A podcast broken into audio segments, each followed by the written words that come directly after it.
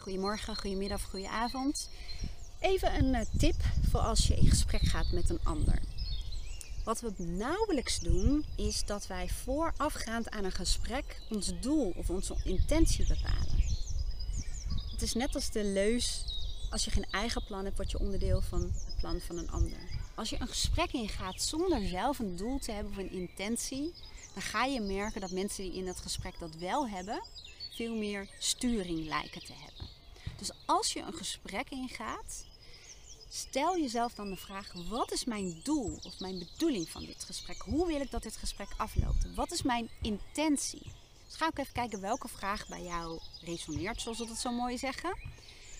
Je zult gaan merken als jij voorafgaand aan het gesprek een doel hebt gesteld of een intentie of allebei, dat je veel gerichter in het gesprek zit. Dat je heel duidelijk voelt wanneer je afwijkt van jouw doel en hoe je weer bij kunt sturen.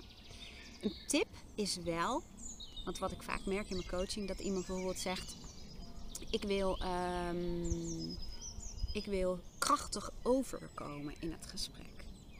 En dat is het moment waarop ik door ga vragen. Want als je krachtig over wil komen in het gesprek, is dat vaak een doel die niet over jou gaat. Maar je wil ander iets doen. Je wil dat de ander iets van jou vindt. En dat is niet jouw, ze noemen dat intrinsieke motivatie. Dat is niet je ware doel.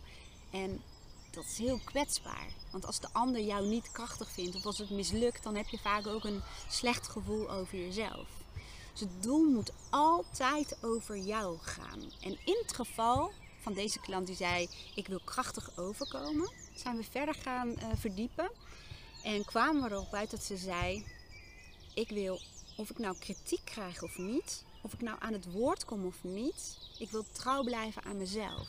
Ik wil aan het einde van het gesprek een goed gevoel hebben over mezelf, omdat ik mezelf trouw ben gebleven.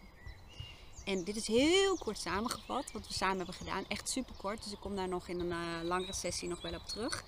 Maar als je een gesprek ingaat, stel voorafgaand een doel. Dus wat is je bedoeling of je doel van dit gesprek? Hoe wil je dat het afloopt? Je kunt ook nadenken, wat zijn mijn belangen? Wat wil ik dat er gedaan wordt? Wat wil ik dat er afgesproken wordt? Je intentie zetten kan ook. Intentie is eigenlijk ook hoe je een beetje in het gesprek wil zitten. Dat kan bijvoorbeeld zijn dat je zegt van ik wil heel ontspannen in het gesprek zitten. En wat is dan ontspannen in het gesprek zitten? Dus ga dat ook voor jezelf verder verdiepen. En zorg dat het doel over jou gaat en niet over hoe je overkomt bij de ander.